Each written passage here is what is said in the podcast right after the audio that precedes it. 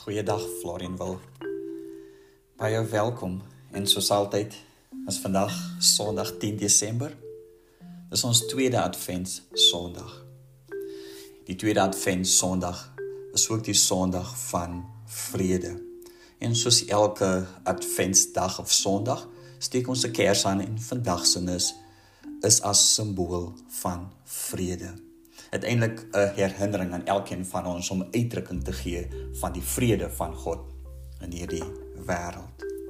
Vandag is ook internasionale menseregte dag en daarom ook baie baie gepas die belangrikheid van vrede in ons eie lewens saam met ander en in die lewe van ons wêreld. Maar vriende,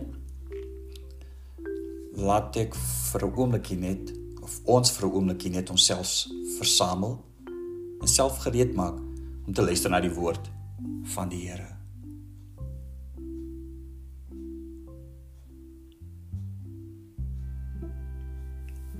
Aanbiddelike Heer, dankie dat ons U naam mag aanroep. Dankie dat ons in Adventstyd Here weet. Here dat U in hierdie wêreld van ons gekom het. En tog ook Hemelse Vader, tog daarvan bewus geraak dat as U kom, Here, dan verander U ons omstandighede. En Here, dis waarvoor ons bid. Dis waarvoor ons hoop. Dis waarvoor ons leef. Seën ons, Heer. Amen. Broers en susters, soos altyd, genade en vrede aan elkeen van julle. Ons teksgedeelte is Markus 1 vers 1 tot 8. En ek volg hierdie adventstyd ons leesrooster tekste. En dan word die tekste wat in baie ander kerke gebruik word in in in 'n tyd soos soos hierdie. Die woord van die Here lees. Markus 1 vers 1 tot 8. Optrede van Johannes die Doper. Die begin van die evangelie van Jesus Christus, die seun van God. So staan in die profeet Jesaja geskryf staan. Kyk. Ek stuur my boodskapper voor jou uit. Hy sal jou pad gereed maak. 'n Stem van iemand wat roep in die woestyn. Maak die pad van die Here gereed, maak sy paaie reguit. So het Johannes gekom. Het in die woestyn gedoop en 'n doop van bekering met die oog op die vergifnis van sondes verkondig. Die hele landstreek van Judea en almal in Jerusalem het na hom gegaan en hulle is deur hom in die Jordaanrivier gedoop terwyl hulle hulle sondes bely het. Johannes het 'n kleed van kameelhaar gedra met 'n leer gordel om sy heupe en hy het sprinkane en wilde heuning geëet. Hy het gepreek en gesê: "Na my kom hy wat sterker as ek is. Ek is nie eers werd om te buig en die riempies van sy sandale los te maak nie. Ek het julle met water gedoop, maar hy sal julle met die Heilige Gees doop. Dis ons teksgedeelte vir vanoggend.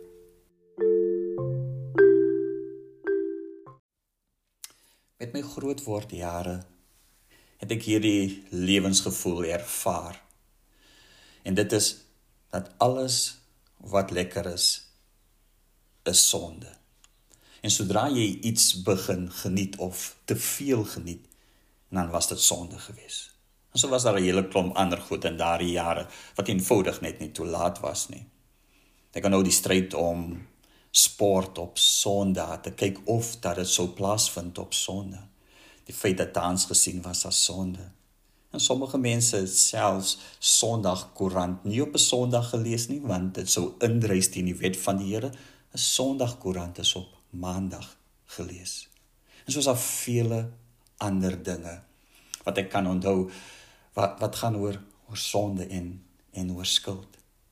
En ek moet erken baie kere het dit net vir my gelaat met 'n groot groot skuldgevoel oor alles wat ek verkeerd doen. Maar ach, vandag is hierdie lewensgevoel nie meer saam met ons nie. En vandag ervaar ons baie keer dat alles regtig waar toelaatbaar is. Jy kan eintlik maar doen wat jy wil. Maar ons fokus is vandag op op sonde. Nou Markus se evangelie is gestroop van enige geboorteverhaal. Geen ster of engele, sterrekykers, herders of engel nie. En Markus plaas onmiddellik sy kaart op die tafel in vers 1. Sy verhaal, sy evangelie gaan oor Jesus Christus, die Messias, die seun van God. En daarom is vers 1 nie net 'n opskrif nie, dis die tema van sy hele boek. En alles wat hy vertel, wil hy juis hierdie punt bewys dat Jesus Christus is die seun van God. En in der waarheid sal Markus dan vir ons vertel dat Jesus Christus is op pad na die wêreld toe. En as sy koms beteken wat sy naam sê, redding en verlossing. En daar's net een reaksie op hierdie goeie nuus van Jesus wat kom en redding en verlossing bring. En dit is bekering, toekeer tot God en skuldbelydenis. Ons sien dit duidelik in Markus se vertelling van Johannes die Doper. Johannes se oproep destyds is vandag nog net so aktueel. Bekeer julle en bely julle sondes en ervaar nuwe lewe, maar nuwe lewe van hoop, vreugde en bevryding. Die laaste dinge wat mense wil hoor vandag, eh, spesifiek in in feestyd, is dat daar gepraat word oor sonde en skuldbeleidnes en bekering. Feestyd is mos immers ontspantheid. Dit is tyd vir rus of hoe sing die Afrikaanse sanger Appel? Jy weet wat maak ons hierdie naweek? Foute, groote foute.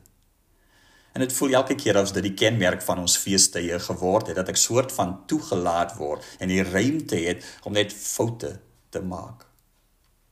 Maar tog lees die verhaal van Jesus se geboorte en die aankondigings van sy geboorte dat Jesus gekom het om te red. En dis wat sy naam beteken om ons te red en waarvan te red? Matteus 1 verskyn 'n engel aan Josef in 'n droom en moet hy hoor in vers 21 Maria sal geboorte gee aan 'n seun en jy moet hom Jesus noem want hy sal sy volk van hulle sondes verlos. Lukas hoofstuk 1 kry ons die loflied van Sagaria oor sy seun Johannes die Doper wie wegbereider van Jesus sal wees en sy opdrag is om sy volk in te lig dat hulle verlos kan word deur die vergifnis van hulle sondes. Dis vers 77 van Lukas 1. En so wat die aankondigings oor Jesus Christus sê is dat Jesus gekom het om ons te verlos van ons sondes. Nou in die eerste eeuse Joodse gemeenskap wat hierdie aankondiging moes hoor het baie groter probleme gehad volgens hulle. Hulle land was in besit van die Rome, van Rome. En hulle was gewelddadig onderdruk deur die Romeine. En voor die Romeine was die Grieke en voor die Grieke was die mense van Persië. So polities en ekonomies is al vir lank was hulle onderdruk gewees. En die verlossing wat hulle begeer was verlossing van hulle onderdrukkers.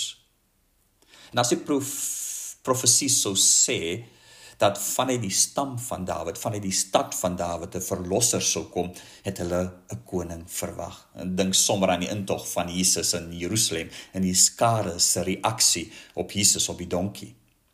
En daarom hulle realiteit en die van dat hulle oorheers was deur die Romeine, hierdie realiteit het alles oorheers. En hulle sou met gemak kon sê moenie met ons praat oor my persoonlike skuld en sonde nie terwyl ons eintlik skreiende onderdrukking ervaar nie.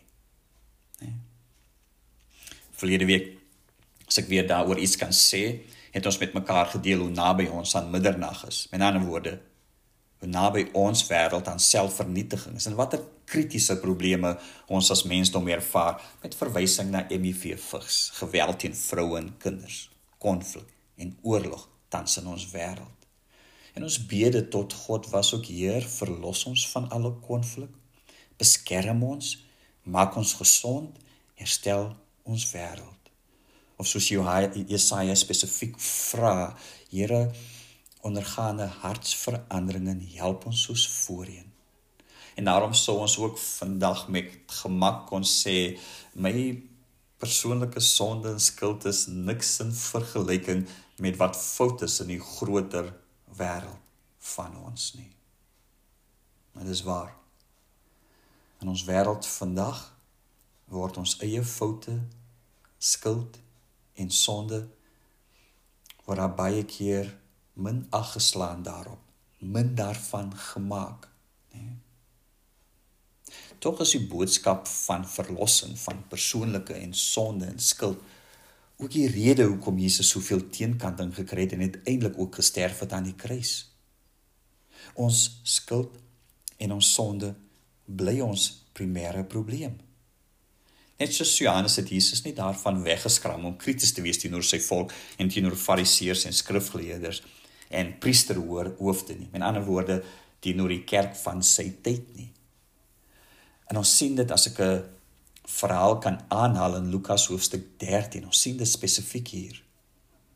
Hier word nuus aan Jesus oorgedra dat Pilatus gelowige aanbidders doodgemaak het terwyl hulle Jesus besig was om offers te bring in die tempel. Jy sal vroeër hierdie jaar onthou was daar die gebeure in Newlands, Johannesburg, maar ook soortgelyk in KZN waar pastors uh deur kriminele in die kerk doodgeskiet is en gemeentelede beroof is. Jy weet iets iets soos hierdie gebeur ook in die tyd van van Jesus. En dan word gelowiges wat geteken word terwyl hulle in die kerk besig is om te aanbid. En as daar aan Jesus hierdie storie vertel word, is dit om sy reaksie te toets. En die eerste reaksie wat verwag word is dat Jesus sy klere sou skeer en sou rou oor die moorde. En al tweedens sou mense verwag dat hy iets sou doen aan Pilatus of iets sou sê teenoor Pilatus en ander wat hulle so onderdruk. Maar in plaas daarvan om na Pilatus se sonde te verwys, wys Jesus op hulle op hulle eie skuld en word hulle opgeroep om hulle self te bekeer. Hulle word daarop gewys dat eintlik is almal sondaars en almal nodig verlossing en genade. Die probleem is dis nie net die sonde skuld van ander mense nie en wat dit doen in die wêreld nie. Maar almal van ons het verlossing nodig. Onderdrukkers sowel as onderdruktes is beide in nood vir verlossing. Beide van ons Ons almal is vasgevang in skuld waarvan ons nie kan ontsnap nie. Jy weet beide van ons menslikheid is verdraai en moet herstel word. Almal van ons moet God uitbeeld in hierdie wêreld en besonder God se onvoorwaardelike liefde, maar ons kry dit nie reg nie. Almal moet dus glo, lief hê, gehoorsaam wees. Dis die geloof wat ons moet wys en wat Christene moet kenmerk in hierdie wêreld, dis om te erken steeds dat almal van ons foute het en dat ons op 'n manier sê wat verkeerd is in hierdie wêreld is eintlik ek. My eie skuld en sonde maak nie saak hoe klein nie en dra by tot wat foute is in hierdie wêreld. Hier onthou Matteus 7 vers 3. Waarom sien ons die splinter raak in my broer se oog, maar ek merk nie die balk op in my eie oog nie. Hierdie Sondag wil ons net herinner word aan ons aan ons sonde en skuld. Ek lees op 'n stadium Eugene Peterson se beskrywing van sonde raak grond van Romeine. And they said the failure to treat God as God to honor him and thank him is sin with a capital S.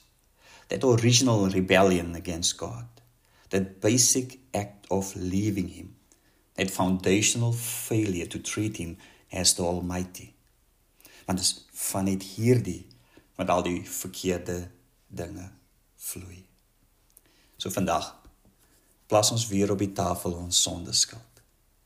Maar soos Eugene Peterson sê, om nie vir God te erken as God nie. Die feit dat ons wegstap van die Here, dis eintlik ons grootste sonde. En vandag wil ons soos altyd vra dat ons leef voor die aangesig van hierdie God van ons. Dat ons moeite maak met skuldbeleidnis. Want met skuldbeleidnis erken ons dat ons berou het. Dis om te treur oor die dade wat verwydering bring tussen ons en God. So ja ons ons wil nie negatief wees nie byvoorbeeld. Ons wil maar net dit wat verkeerd is in ons lewe beklemtoon en vir die Here vra Here, U ken ons, help ons. Efesiërs 2 vers 14 Jesus bly ons vrede. En deur Jesus word die middelmuur afgebreek tussen ons en God en ons met mekaar. Kom ons bly soos altyd. Elke keer nog ons skuld en sonde. En ons maak hierdeur deur gedurig deur te verander maak ons die wêreld 'n beter plek. Amen. Aanbiddelike Heer, Dankie Vader dat U met ons praat Here oor ons lewens. En oor wat keer verkeerd is in ons lewens. En wat ons doen. En hoe ons dit regverdig dag vir dag. Sonder om te erken dat daar iets verkeerd is. En sonder om skuldbeleidings te doen. Ons kom plaas dit ons sonde skuld voor U en ons erken Here want ons skuld het tot wat verkeerd is in hierdie wêreld kom vergewe ons dankie Here dat deur die koms van die seun Jesus Christus is daar nou vir ons verlossing van ons persoonlike skuld en sonde en ons is nie kan leef ons bid ook in besonder Here dat die vrede sal bring in ons harte en ons lewens maar ook vrede sal bring in hierdie wêreld in hierdie adventstyd. Mag die genade van ons Here Jesus Christus, mag die liefde van God ons Vader, troos en bemoediging met elkeen van ons wees. Want dan U behoort die koninkryk en die krag en die heerlikheid tot in ewigheid. Amen.